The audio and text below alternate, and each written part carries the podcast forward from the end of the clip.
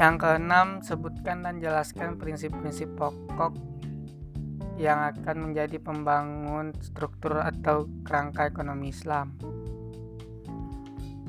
Yang pertama ada pengendalian harta individu. Harta individu harus dikendalikan agar terus mengalir secara produktif. Harta individu tidak boleh ditumpuk namun keluar mengalir secara produktif ke dalam aktivitas perekonomian. Aliran harta yang dikeluarkan tersebut dapat berupa investasi produktif pada sektoril dalam bentuk zakat, infak, sedekah, dan wakaf. Dengan mengalirnya harta secara produktif, kegiatan perekonomian akan terus bergulir secara terus-menerus.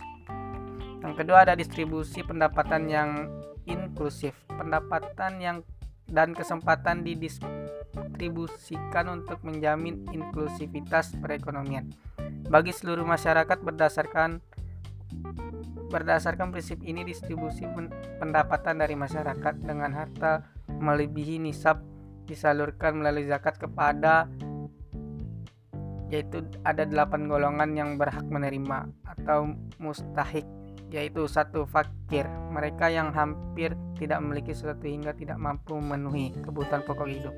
Yang kedua amil mereka yang mengumpulkan dan mendistribusikan zakat.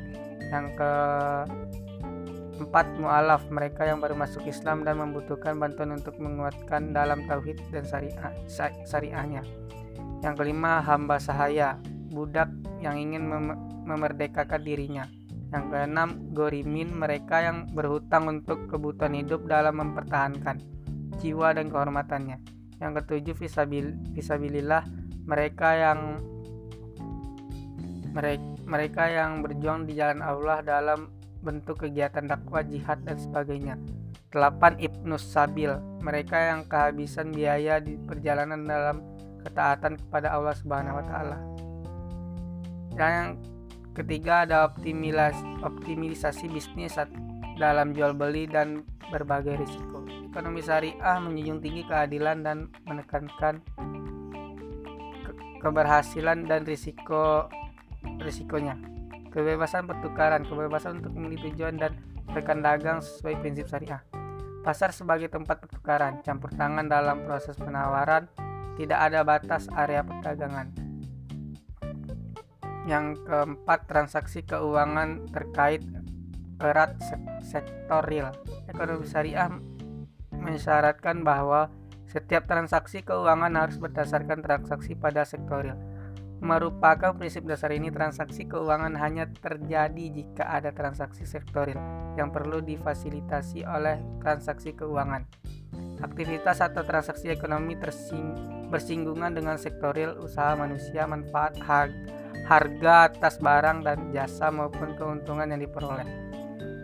Dalam perspektif perspektif Islam, aktivitas ekonomi senantiasa didorong untuk berkembangnya sektorial seperti perdagangan, pertanian, industri maupun jasa. Di sisi lain, ekonomi syariah tidak mentolerir aktivitas ekonomi non-real seperti perdagangan uang, perbankan sistem ribawi, dan lain-lain.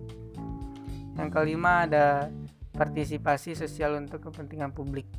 Ekonomi Islam juga mendorong pihak yang memiliki harta untuk berpartisipasi membangun kepentingan bersama, misalnya mewakafkan tanah untuk pembangunan rumah sakit, membeli suku untuk pembangunan jembatan atau tol dan sebagainya dalam ekonomi. Dalam ekonomi, dalam ekonomi Islam, pencapaian tujuan sosial diupayakan secara maksimal dan menafkahkan sebagian hartanya untuk kepentingan bersama sebagaimana firman-Nya. Berimanlah kamu kepada Allah dan Rasulnya dan nafkahkanlah sebagian dari hartamu yang Allah telah menjadikan kamu menguasainya. Maka orang-orang yang beriman di antara kamu dan menafkahkan atau sebagian dari hartanya memperoleh pahala yang besar. Quran Surat Al-Hadid Yang keenam ada transaksi muamalat. Sejalan dengan nilai-nilai ekonomi Islam yang menjunjung tinggi keadilan serta kerjasama dan kasih keseimbangan setiap transaksi muamalah khususnya transaksi perdagangan dan pertukaran dalam perekonomian harus mematuhi peraturan yang telah ditetapkan dalam syariat. atau yang lebih khusus dalam mengatur transaksi perdagangan itu telah ditetapkan langsung oleh Rasulullah Shallallahu Alaihi Wasallam pada saat Rasulullah mengatur perdagangan yang berlangsung di pasar Madinah yang esensinya masih terus berlaku dan dapat diterapkan sampai sekarang.